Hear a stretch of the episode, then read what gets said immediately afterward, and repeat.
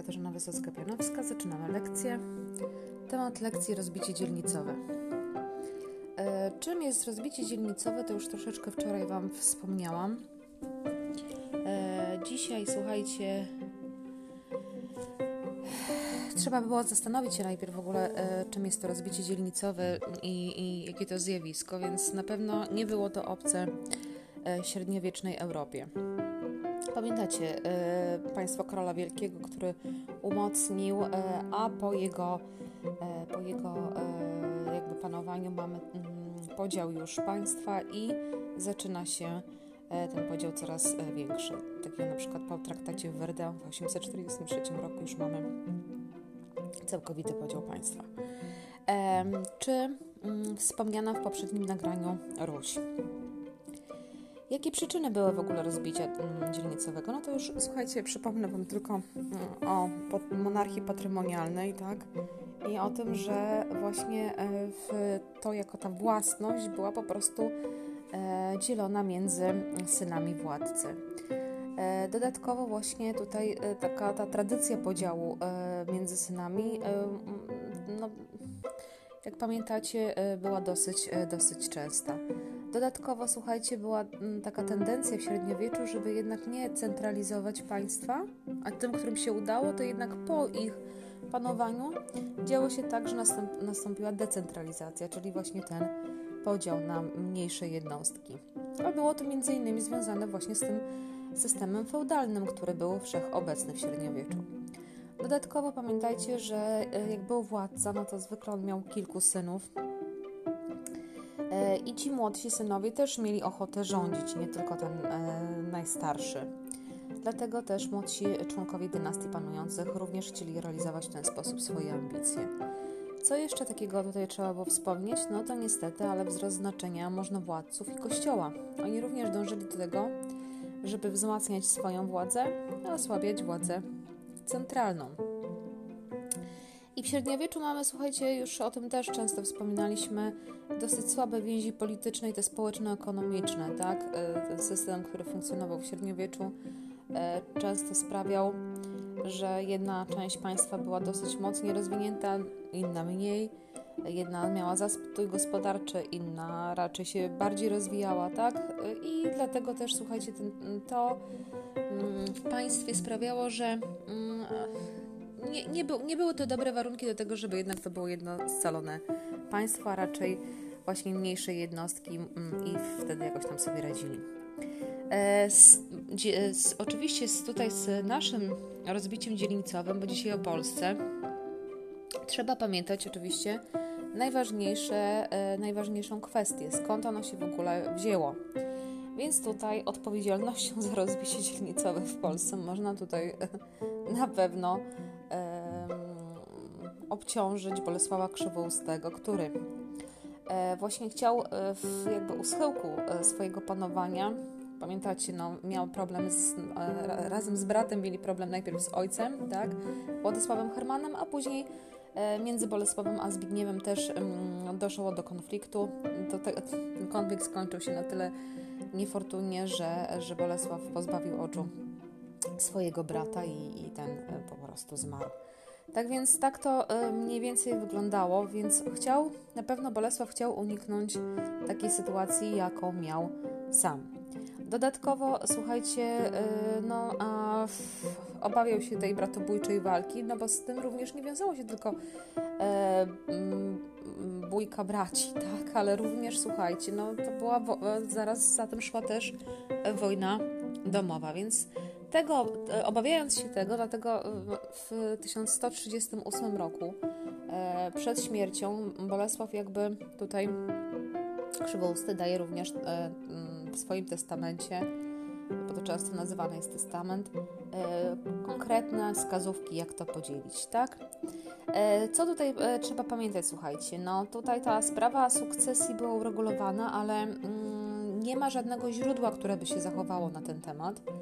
E, jedynie e, poprzez te wydarzenia, które e, działy się po mm, śmierci Bolesława Krzywoustego, możemy dojść, że rzeczywiście taki takie źródło było, tak? Taki testament był, taki, stat, tak, taki statut czy ustawa sukcesyjna, bo tak też jest nazywana. Wielu zakłada, że po prostu Bolesław Krzywousty w chwili swojej, swojego umierania, odchodzenia z tego świata, po prostu stwierdził, że przekazał tutaj e, swoją wolę, co dalej robić z tą schedą po nim. Jakie zasady, słuchajcie, dwie zasady dotyczyły mm, tego, tego, tego, tego jego testamentu. Więc pierwsza zasada to była zasada oczywiście pryncypatu. E, Princeps, czy, czy tutaj właśnie ten, ten e, najstarszy, tak? E, można to tak odnieść, ten książę najstarszy, miał sprawować władzę nad pozostałymi książętami. E, ale miał też, słuchajcie, e, przez to, że on miał sprawować władzę, to ta władza jednak ta centralna miała dalej istnieć, tak? Czyli miał dbać, ten senior miał, miał być tym takim gwarantem tego, że jednak e, państwo będzie scalone. No i słuchajcie, otrzymywało oczywiście oprócz swojej własnej dzielnicy, miał również tą dzielnicę senioralną. Miał władzę zwierzchnią nad całym państwem, i tutaj oczywiście wobec e, swoich braci i krewnych i przez to też miał znaczne uprawnienia. Jakie były to uprawnienia? A, a to prawo do inwestytury dostojników e, kościelnych, czyli prawo do nadawania urzędów. Już o inwestyturze e, mieliśmy dawno, dawno, ale e, mam nadzieję, że pamiętacie. Reprezentował Polskę w stosunkach z innymi państwami. Chodziło o reprezentowanie Polski w, zna w znaczeniu militarnym, ale też dyplomatycznym. E, co jeszcze, słuchajcie? No, ta polityka zagraniczna e, też wiązała się z tym, że mógł utrzymywać załogi w najważniejszych grodach innych dzielnic. No i oczywiście współdecydował przy obsadzaniu urzędów. Ale tutaj trzeba by było dodać również, że miał zwierzchność nad Pomorzem Gdańskim, więc oprócz tej dzielnicy, zaraz, którą otrzymał e, najstarszy, omówimy również sytuację Pomorza Gdańskiego. No i co dalej, słuchajcie? Dalej e, sytuacja mm, wyglądała tak, że ta druga zasada dotyczyła senioratu. Czym była ta zasada senioratu? E, oznaczała ona, że tron nie był dziedziczny.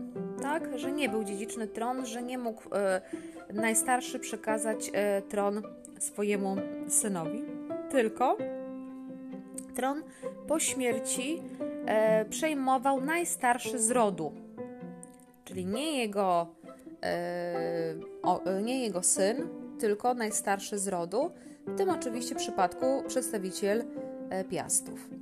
No i co dalej, słuchajcie? Mm. Da, dalsza sytuacja była taka, że yy, właśnie ten książę senior, yy, znaczy ten książę najważniejszy, tak, E, nazywany był seniorem, natomiast e, ten, ci pozostali byli nazywani juniorami. E, najważniejsze postanowienie tego dokumentu to właśnie te dwie zasady, tak? Ale również, słuchajcie, też dotyczyły w jaki sposób, w jaki sposób miał to, mm, jak, w jaki sposób zostało, jak, w jaki sposób te ziemie zostały podzielone. I tutaj, słuchajcie, trzeba też wspomnieć, że podział państwa na dzielnice mm, między synów z zachowaniem zasady senioratu był w tamtym okresie często stosowany, więc tutaj jakby Bolesław Krzywousty nie, nie był jakimś prekursorem w tej kwestii, tylko nie przewidział, jakie będą dalej tego konsekwencje. Chciał dobrze, a wyszło jak zawsze po polsku. Więc tutaj słuchajcie, co dalej. E, tutaj w tym momencie trzeba omówić, w jaki sposób te ziemie zostały podzielone. I tutaj bardzo proszę Was, żebyście zajrzeli do notatki, którą y, włączyłam Wam do tego tematu. Ta notatka znajduje się e, w plikach, e, w, w takim miejscu na, e, z, znaczy nasze, tam, mm, z, jest taki folderek i w tym folderku są też nasze notatki, ale również słuchajcie, tutaj w wiadomości tej głównej na czacie też to znajdziecie. Co dalej, słuchajcie? No tutaj trzeba teraz już omówić sobie, jakie były te postanowienia e, statutu. E, więc po pierwsze, e, najstarszy syn otrzymał Śląsk. E, ten syn nazywał się Władysław i przejdzie do historii jako Władysław II Wygnaniec. E, drugi jego syn, Bolesław, mm, otrzymał Mazowsze i nazywane w, w historii jest Bolesławem IV Kędzierzawym. Trzeci syn otrzymał Wielkopolskę i tutaj historyczkiem będziemy go określać jako Mieszko III Stary.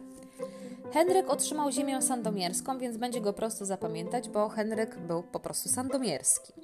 Natomiast ziemię łęczycką dostała dożywotnią yy, żona, druga żona yy, Bolesława Krzywostego, Salomea. E, no i po jej śmierci, to też uwaga, po jej śmierci ziemia ta miała powrócić do dzielnicy senioralnej, czyli ten najstarszy znowu miał otrzymać tą ziemię e, łęczycką. No i tutaj jeszcze rodzi się pytanie, a co z ostatnim synem Bolesława, czyli Kazimierzem Sprawiedliwym? Oczywiście on nie został uwzględniony w testamencie, bo jeszcze się nie urodził. Urodził się dopiero po śmierci ojca. No i teraz słuchajcie, a propos e, tej, e, tej dzielnicy, tak? Mm, uważa się, że dzielnica senioralna e, znaczy dzielnice w ogóle miały być dziedziczone przez, przez synów, tak? Dzisiaj uważa się, że raczej te, te dzielnice miały być przekazane raczej dożywotnio, a później jakby na nowo miało to się odradzać. Natomiast jak to wyglądało z dzielnicą senioralną? Jej kształt też budzi dzisiaj wiele kontrowersji, e, jeżeli chodzi sporów, e, jeżeli chodzi o historyków, ale przyjmuje się, że w skład tej mm, dzielnicy senioralnej wchodziły ziemie takie jak zachodnia część Kujaw, część Wielkopolski z Kaliszem i Gnieznem, e, ziemia łęczycko-sieracka, no i Małopolska, tam część Małopolski z Krakowem. Dzielnica senioralna, jak widzicie, i też na filmie, który Wam dołączyłam, E, też tam będziecie tą mapę mieć. Dzielnica, seniora, dzielnica senioralna e, położona jest e, w centralnej części Polski, tak? W centralnej części państwa, które zostawał, zostawiał po sobie Bolesław Krzywo, Krzywousty. Miało to sens taki, że no, według jakby takiego logiczne, logicznego myślenia po prostu dzięki temu ten senior jednak miał kontrolę nad wszystkimi pozostałymi. Poza tym, słuchajcie, w tej dzielnicy senioralnej były najważniejsze mm, grody, tak, e, jeżeli chodzi o państwo, ponieważ tak, była gnie, było Gniezno, gdzie mieliśmy siedzibę arcybiskupstwa, był Kraków, który wiemy już od Kazimierza Odnowiciela, że to, był, to była nowa stolica e, państwa polskiego. No i tutaj też ranga tego, tej dzielnicy senioralnej wzrastała. No jak jest ranga, to jest podobnie trochę na zasadzie właśnie... Alzacji i Lotaryngii, tej, tego obszaru, e, który zostawił po sobie właśnie e, po traktacie w Verdun, tak? Że ten, ta centralna część będzie łakomym kąskiem dla wszystkich. I tutaj będzie, słuchajcie, zaraz e, podobnie. Poza tym, e, tak już Wam wspomniałam, senior był też zwierzchnikiem księżąt dzielnicowych, ale też e, tutaj oczywiście Pomorza. Utrzymywał załogi wojskowe i w grodach tutaj też położonych w dzielnicach w dzielnicach juniorów. No to co się dzieje dalej? Słuchajcie, no jak już wiemy, że ten obszar był takim łakomym kąskiem, no to zacznie się walka oczywiście o władzę. I ta walka o władzę dosyć szybko nastąpiła, ponieważ e, trzeba było, znaczy tak, z jednej strony mamy Władysława e, II, który miał e, ochotę na to, żeby jednak scentralizować państwo, doprowadzić do tego, że mm, jego jakby, znaczy, że on będzie jednym władcą, tak? Ta, taki był jego plan. E, I tutaj słuchajcie, ten plan dosyć szybko zaczął realizować. Natomiast e, tutaj e, okoniem stanęła Salomea i jej synowie. Oni z drugiej strony dążyli do tego, żeby osłabić pozycję Władysława. A dlaczego tak się działo? Ponieważ Władysław nie był jej synem, tylko synem mm, księżniczki ruskiej Zbysławy. I dlatego, słuchajcie, no, konflikt interesów nam się oczywiście zrodził. Młodsi bracia chcieli jednak do swoje, swoją władzę wzmacniać, a Władysław centralizować państwo i być jednym właściwym e, kontynuatorem polityki Bolesława Krzywoustego. E, no i dzięki, przez to, słuchajcie, mm, dzieje się tak, że e, Władysław IV właśnie, e, przepraszam, Władysław II no właśnie. Tutaj zadziałała oczywiście Salomea, tak? W 1141 roku e, zwołała, mm, zwołała zjazd do Łęczycy i tam, słuchajcie, e, jakby tutaj też wskazała na to, że jednak nie, e, znaczy ten zjazd w Łęczycy miał również potwierdzić, że jednak musi być ta zasada zachowana. E, a Władysław przez to jakby w odpowiedzi, tak, bo oczywiście tam nie, mm, nie został zaproszony, w odpowiedzi zajął kilka e, grodów braci. I konflikt ten, no wiecie, no, skończył się tym, że w 1144 do 1146 roku nastąpiła wojna domowa między braćmi. No i co dalej się dzieje? W 1144 roku, po śmierci Salomei, do dzień, powinna być przyłączona dzielnica, oczywiście, powinna być przyłączona ziemia łęczycko-sieracka.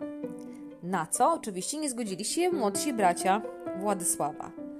E, I w ten sposób Władysław próbował wymusić na braciach e, całą, całą tutaj sytuację, no bo tak, tak było zgodnie z testamentem. Dlatego zorganizował przeciwko braciom wyprawę i poprosił o, mm, o pomoc tutaj na początku wojów ruskich.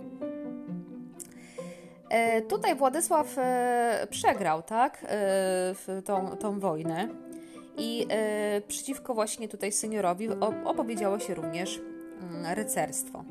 Kiedy tak się stało, słuchajcie, no Władził w międzyczasie jeszcze oślepił poprzedni, yy, oślepił Palatyna e, Piotra Włostowica, to był wcześniej współpracownik jego ojca również, który no dosyć, mm, ten Palatyn, no, słuchajcie, Bolesława Krzywoustego, właściwie w zastępstwie za księcia dowodził wojskiem, E, sprawował sądy i dbał o bezpieczeństwo oraz porządek na dworze, więc no, to była dosyć ważna postać.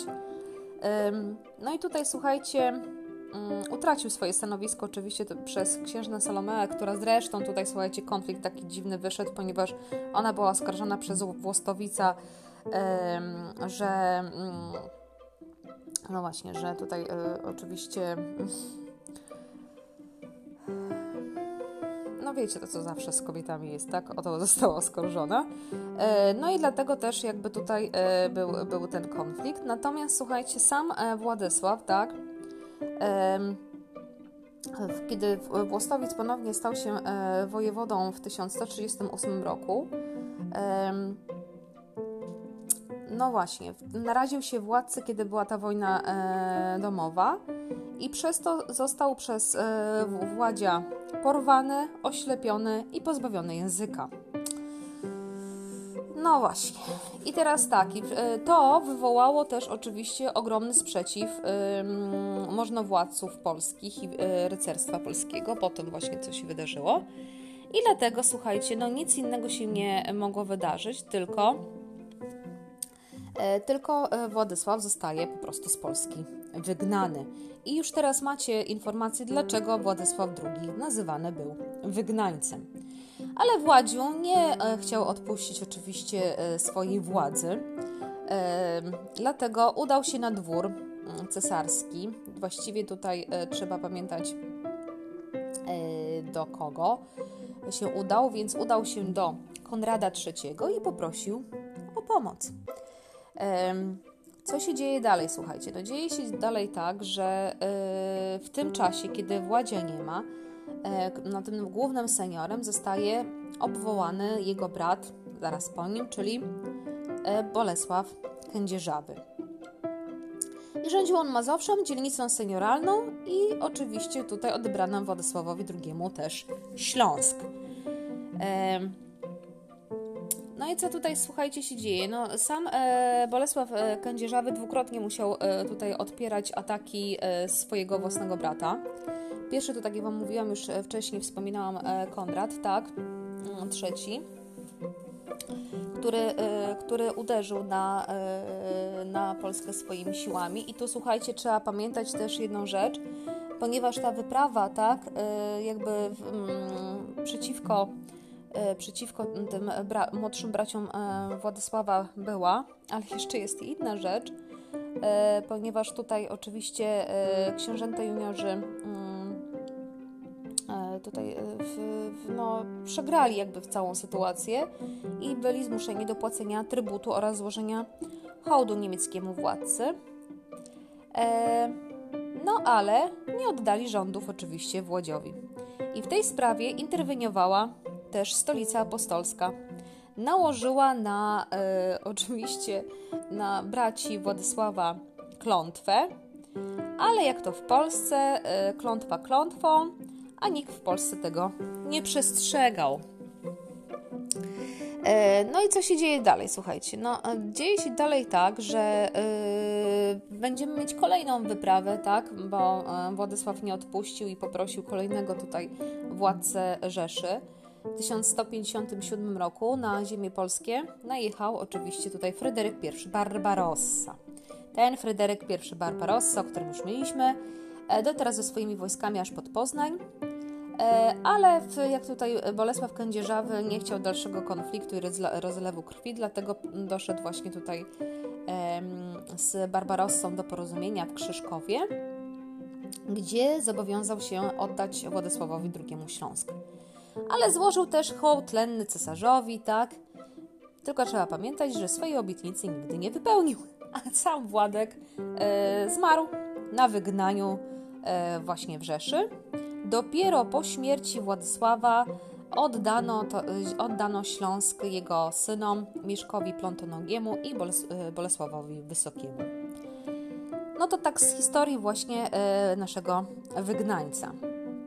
W 1166 roku, słuchajcie, podczas wyprawy przeciwko Prusom zginął e, kolejny książę, był to e, oczywiście Henryk Sandomierski. I wtedy ziemię sandomierską przejął senior Bolesław Kędzierzawy. Czyli na razie mamy tutaj jakby odbieranie tej ziemi, tak? Z, e, z części tej ziemi utworzono księstwo wiślickie i to księstwo zostało przekazane już pełnoletniemu w tym momencie Kazimierzowi Sprawiedliwemu, czyli temu najmłodszemu synowi Bol Bolesława Krzywoustego.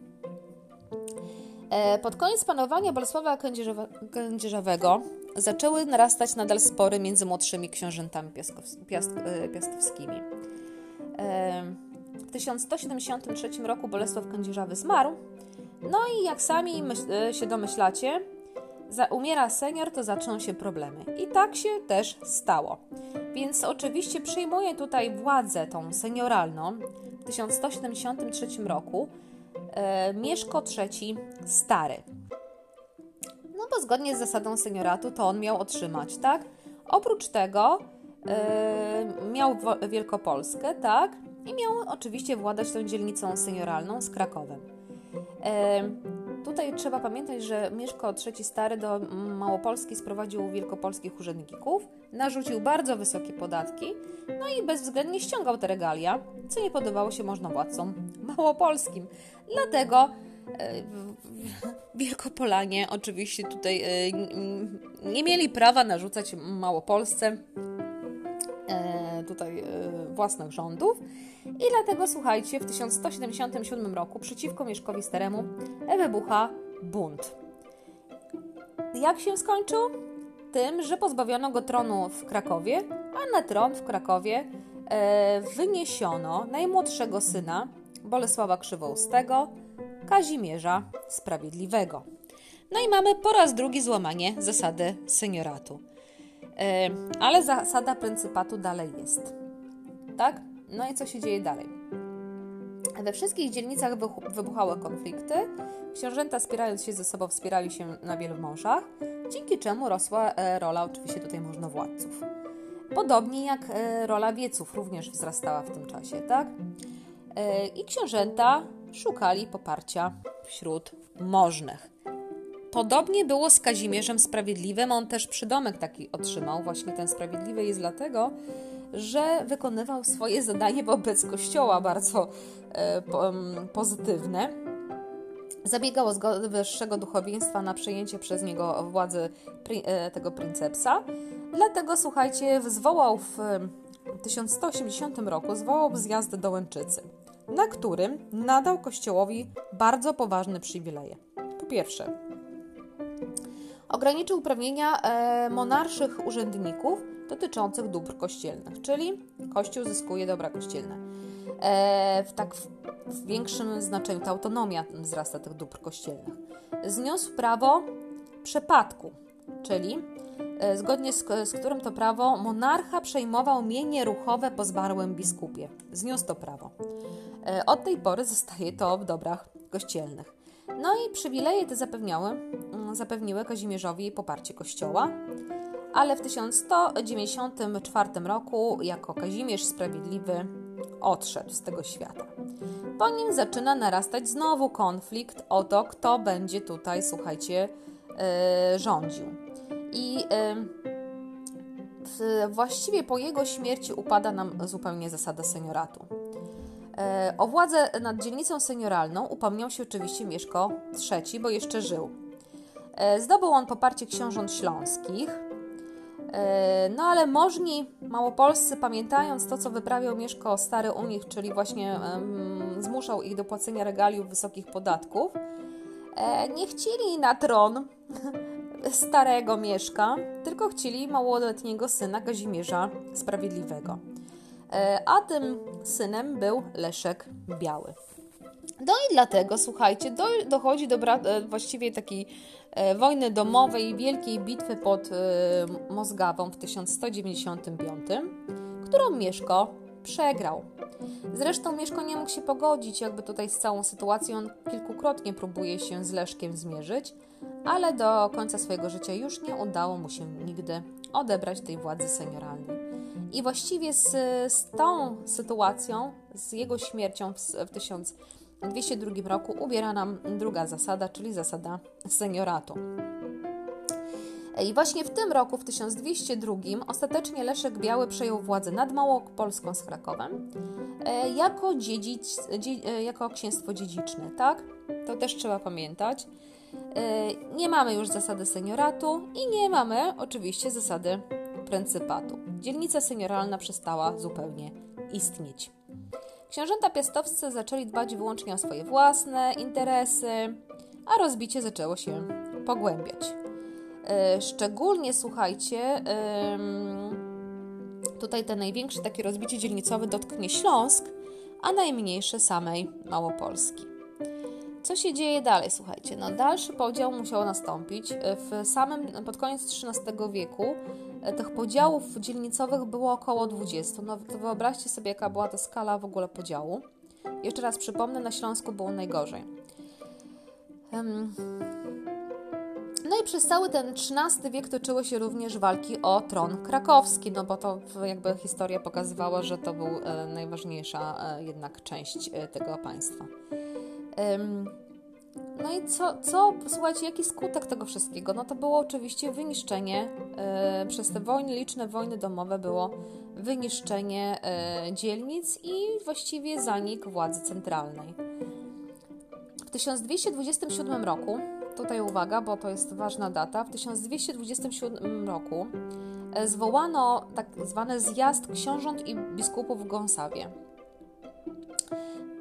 Zainicjował go oczywiście Leszek Biały, ponieważ na tym zjeździe miały być poruszane przede wszystkim e, właśnie kwestie sporne, co dalej z tymi dzielnicami, bo e, potomkowi Mieszka III tutaj się e, kłócili, tak? Mm, no i miał nadzieję, oczywiście tutaj też kwestia właśnie Pomorza Gdańskiego się zrodziła, tutaj Świętopełka trzeba pamiętać, tak? Bo on chciał jakby odłączyć się od zależności od, tego, od, od tych książąt dzielnicowych i e, jakby szukał też e, w ten sposób oczywiście e, sojuszników, żeby tych sojuszników oczywiście gdzieś tam wykołować i właściwie Pomorze miało stać się oddzielne, autonomiczne. Oczywiście tutaj Leszek Biały nie spodziewał się, jaki będzie efekt tego zjazdu w Gąsawie w 1227, ponieważ właśnie na tym, na tym zjeździe zorganizowano na nie, zamach na niego, tak? I książę krakowski niestety tutaj zginął. A w ferworze walk, które wtedy nastąpiły, słuchajcie, został również ciężko ranny Henryk Brodaty. Przez to mamy jakby tutaj koniec już całej afery o pryncypat, tak? Koniec afery o tą dzielnicę jakokolwiek, której już dawno nie ma. No i w tym momencie usamodzielnia się również Gdańsk. Słuchajcie, z Gdańskim to była taka sytuacja trochę, yy, no, Gdańsk zawsze, Pomorze Gdańskie zawsze było jakby tutaj e, swoimi prawami się rządziło i podobnie tutaj, słuchajcie, było. Mm, było regionem e, w niewielkim stopniu właśnie tutaj e, nam dotyczyły tutaj zmagania e, sporne między potomkami Bolesława Krzywostego. I tutaj, słuchajcie, obszar ten dzielił się na Pomorze Gdańskie oraz słabo wywiązane z resztą ziem polskie Pomorze Zachodnie. I tam była lokalna dynastia, tak? Każdy musiał tam składać hołd lenny księciu seniorowi, to już Wam wcześniej wspominałam. E, jednak właśnie w połowie XII wieku skłóceni książęta piastowscy nie zdołali utrzymać władzy nad tym obszarem. Kolejne tereny Pomorza Zachodniego były podporządkowane przez e, Niemców lub zajmowane przez Duńczyków. Mm, no i tutaj sytuację próbował uratować Mieszko Stary, ale ostatecznie on stał się sam lennikiem e, cesarza. I w tym momencie mamy już wiek XIII. I tutaj w imieniu seniora jakby władzę mm, w, sprawowali tutaj w, na Pomorzu przedstawiciele e, rodu, bardzo potężnego rodu e, Sobiesławiców.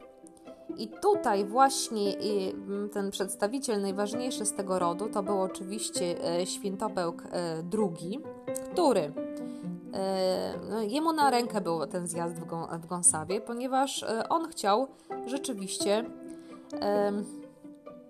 usamodzielnić Pomorze Gdańskie. No i, e, i dzięki temu, że właśnie doszło do, do zabójstwa Leszka Białego, e, Pomorze Gdańskie staje się oddzielnym obszar, obszarem, zależnym samym od siebie. E, a jak się miała sprawa, słuchajcie, Śląska w tym czasie? No to mieliśmy tego Henryka Brodatego, o którym Wam już wspomniałam, on również, słuchajcie, Henryk Brodaty również, yy, znaczy miał takie plany w ogóle yy, zjednoczenia Polski. Ponieważ on widział, że jednak to nie tak funkcjonuje za dobrze, bo rzeczywiście, słuchajcie, no jak mamy dzielnice, to mamy oczywiście też zastój gospodarczy, ponieważ dzielnice oznaczały przejazd z jednego miejsca w drugie, handlowanie między jednym miejscem a drugim, mimo że to powiedzmy miało być jedno państwo, ale okazywało się, że to nie było jedno, e, nie, okazało się, że to nie było jedno państwo, bo jakby każdy książę chciał zarobić na tym swoim państwie i w tym momencie e, cła e, na granicach obowiązywały. Jak się pokłócili bracia, to kłóciły się oczywiście obszary również całe z nimi, więc no nie była to zbyt fajna sytuacja. Dlatego tą sytuację próbował zmienić Henryk Brodaty. Udało mu się przyjąć władzę, słuchajcie, nad całym Śląskiem, południową Wielkopolską i nawet Małopolską. I był arbitrem w sporach między książętami. Mm, I był, słuchajcie, przeszedł właśnie jako taki najpotężniejszy z, z, z tych, tych książąt piastowskich, który miał jednak e, pomysł na scentralizowanie państwa. Niestety, najpierw już mieliśmy o nim, tak, w, oberwał podczas, podczas tego zjazdu. A druga rzecz, która się wydarzyła, e, to już wy wiecie, ponieważ Henryk e, pobożny, tak? Henryk pobożny. E, jak, słuchajcie, właśnie Henryk Pobożny tutaj próbował kontynuować swojego, znaczy politykę swojego ojca Henryka Brodatego i podobnie też próbował jakby to, to państwo zjednoczyć. E, no ale jeszcze raz, Henryk Pobożny nie dokończył dzieła ojca. I e, słuchajcie, dlaczego? Pobożny Henryk? Ponieważ zginął w bitwie z Mongołami pod Legnicą 1241, tak? To już wiecie z poprzedniego, z poprzedniego, e, z poprzedniego jakby tutaj mojego nagrania. I e, po nim właściwie Śląsk ulega mm, praktycznie rozdrobnieniu całkowitemu, tak? E, czyli po Henryku Pobożnym, tak po pierwszej próbie Henryka Brodatego, który rzeczywiście całkiem fajnie był tym arbitrem między, między książętami piastowskimi, Henryk Pobożny kontynuował jego politykę, ale Henryk Pobożny zginął w bitwie z Mongołami pod Legnicą, oczywiście w 1241 roku i Śląsk ulega dalszym podziałom. E, o Pomorzu jeszcze, słuchajcie, no to już, e, już jakby wspomniałam Wam, tylko dla takiego jakby tutaj e, uzupełnienia. Pomorze Zachodnie w 1167 roku, tak, tutaj mm, jest zależne od marchi brandenburskiej, tego dokonuje Bogusław V, książę pomorski. No i oczywiście tutaj dalej, dalszy jakby mm, dalszy udział tej marchi doprowadza do tego, że Polska utraciła całkowicie Pomorze Zachodnie. A Pomorze e, Gdańskie usamodzielniło się po tym słynnym już wspomnianym zjeździe w Gąsawie, gdzież e, na Pomorzu Gdańskim rządził Świętopełk II. E, słuchajcie, co tutaj jeszcze z takich e, ważniejszych informacji, to że, e, że właśnie ziemię lubuską biskup Rogatka akurat oddał w, mm, też w, w posiadanie, tak, poza państwem polskim i tam utworzono nową marchię, która bezpośrednio zagrażała też Wielkopolsce. Teraz warto by było powiedzieć już o skutkach rozbicia dzielnicowego. E, najważniejszych skutkach, tak? No to oczywiście stałe pogłębiające się rozdrobnienie ziem e, miało taki wpływ, że e, słuchajcie, byliśmy słabi na arenie międzynarodowej. To na pewno. Bo to osłabienie i wojny domowe nie, nie dość, że wyniszczały od środka, to również oczywiście wyniszczały na zewnątrz, bo łatwym byliśmy celem. Co tutaj dalej, słuchajcie? O tym jeszcze będziemy mówić, ale ziemia chełmińska i Pomorze Gdańskie z czasem przejdzie e, też w ręce e, zakonu krzyżackiego. To Pomorze Zachodnie i ziemia lubuska, to już Wam wspomniałam, oczywiście na rzecz tej e, marchi brandenburskiej. Mm, Śląsk przejdzie w ręce Czech, bo już Wam powiedziałam o tym rozdrobnieniu ogromnym, ale ostatecznie Śląsk zostaje przejęty przez Czechów. E, osłabienie pozycji politycznej książąt tutaj na arenie międzynarodowej to już sobie powiedzieliśmy. Słaba e, wewnętrznie, to słaba też i na zewnątrz, tak? Powstanie tych wewnętrznych granic utrudniały handel i przemieszczanie się ludności. Wojny domowe to wojny wyniszczające cały obszar, czyli mamy zastój gospodarczy. No i tutaj dopiero w XIII wieku, tak, e, ten rozwój w pewien sposób ruszył ponieważ yy, zaczyna się kolonizacja wiejska i lokacja miast. Tylko dlatego, no bo tak ogólnie rzecz biorąc, wcześniej mieliśmy do czynienia z pewnym zastojem gospodarczym. No, niemożność obrony przed najazdami, sami już wiecie, przede wszystkim tutaj Mongołowie nam e, dokopali, ale również Bałtowie. E, słabość władców dzielnicowych również spowodowała wzrost znaczenia możnowładców świeckich, ale również i duchownych i też rycerstwa co prowadziło ostatecznie do narodzin społeczeństwa stanowego na ziemiach polskich, o którym już zresztą mówiliśmy. No dobrze, to już e, na dzisiaj jakby tyle. E, chciałabym tylko, żebyście też sprawdzili trochę swoją wiedzę mm, i e, na koniec też odpowiedzieli sobie, czy do zeszytu, czy tak po prostu, jako refleksja pewna. Wyjaśnijcie, dlaczego próby ustanowienia w Polsce zasad senioratu i pryncypatu zakończyły się niepowodzeniem. Tak, taka refleksja na ten temat. A drugie, oceń znaczenie rozbicia dzielnicowego na ziemiach polskich. Was, waszą ocenę, jak właściwie na tym wszystkim wyszliśmy. Jak miało być, a jak się skończyło. Dziękuję serdecznie, bardzo mm, cieszę się, że dotrwaliście do końca. E, jakby było coś niejasne, to proszę o komentarze, e, pytania. Jestem w stanie odpowiedzieć e, i, i tak, żebyśmy szli dalej z materiałem. Dziękuję serdecznie, do usłyszenia, no i mam nadzieję kiedyś do zobaczenia. Zdrówka!